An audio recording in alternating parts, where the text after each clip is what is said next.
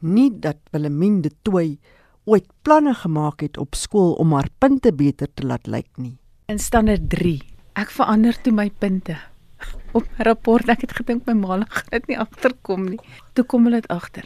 My ma het toe nie 'n groot storie daarvan gemaak nie. Ek het regtig nie geweet ek het 'n probleem nie tot ek wou gaan regte swat het. Ek en Johan bly in Engeland en ek wou gaan regte swat. Ag, dit was my absolute droom.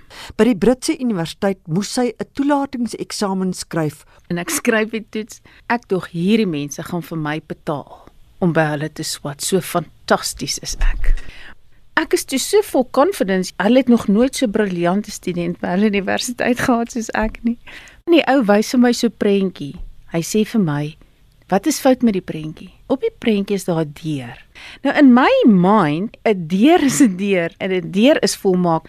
Ek sien nie wat is fout met die deur nie. Die deur het nie 'n knop gehad nie. So my brein het outomaties die hele prentjie gesien.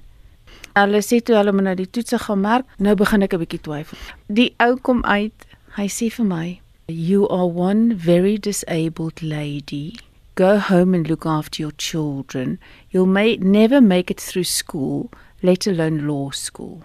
Wilhelmine se man het dit glad nie aanvaar nie.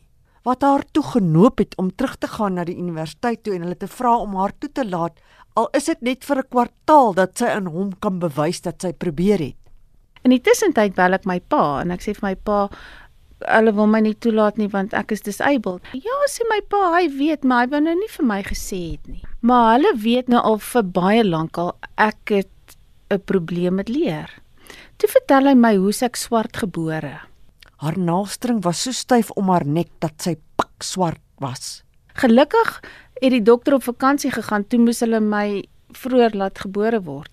My ma se sussie vertel toe my pa daar instap toe ek nou gebore is, toe loop hy net daar uit want hy dog toe my ma te verhouding gehad met een van die plaaswerkers, want ek is dan op ek swart. En die dokter sê toe vir my pa, dit is nie wat jy dink dit is nie. As jy jou kind lewendig wil sien, moet jy nou kom want daar's nie baie hoop dat sy gaan lewe nie. Die skade was leergestremdheid waarvan sy nooit geweet het nie, want haar ouers het verwag dat sy sou deurkom. Permanent moes ek op 'n lyn loop of op 'n balk loop of goeters vang en goeters kop.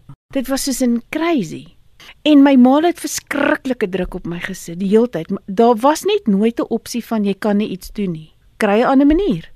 Op skool het hulle al vir my ma gesê, ek gaan nooit standaard 5 maak nie. Toe ek standaard 5 maak, toe sê hulle nie standaard 7 nie. 7 max. En toe maak ek toe nou matriek, maar my merke op my papiere het regtig nie goed gelyk nie. Ek gaan toe terug na die laerskool toe.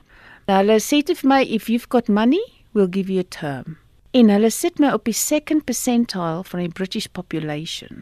Dit is hoe severely disabled ek is. Want dit ek dyspraksie, dis leksie en daar's sewe kategorieë van disleksie wat 'n ou kry. Want die een is met syfers en die een is met skryf en die een is met lees.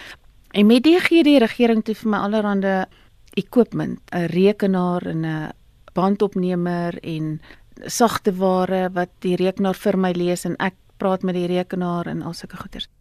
Sy besluit toe om aandagtig in die klas te luister. Maar ten spyte daarvan moes ek nog steeds maar my eie manier kry. So ek neem toe alles op en dan gaan ek huis toe. Dan luister ek weer na die opnames en dan tik ek my eie paragrafies, maar ek het nooit in swart getik nie. Alles heeltyd in kleur.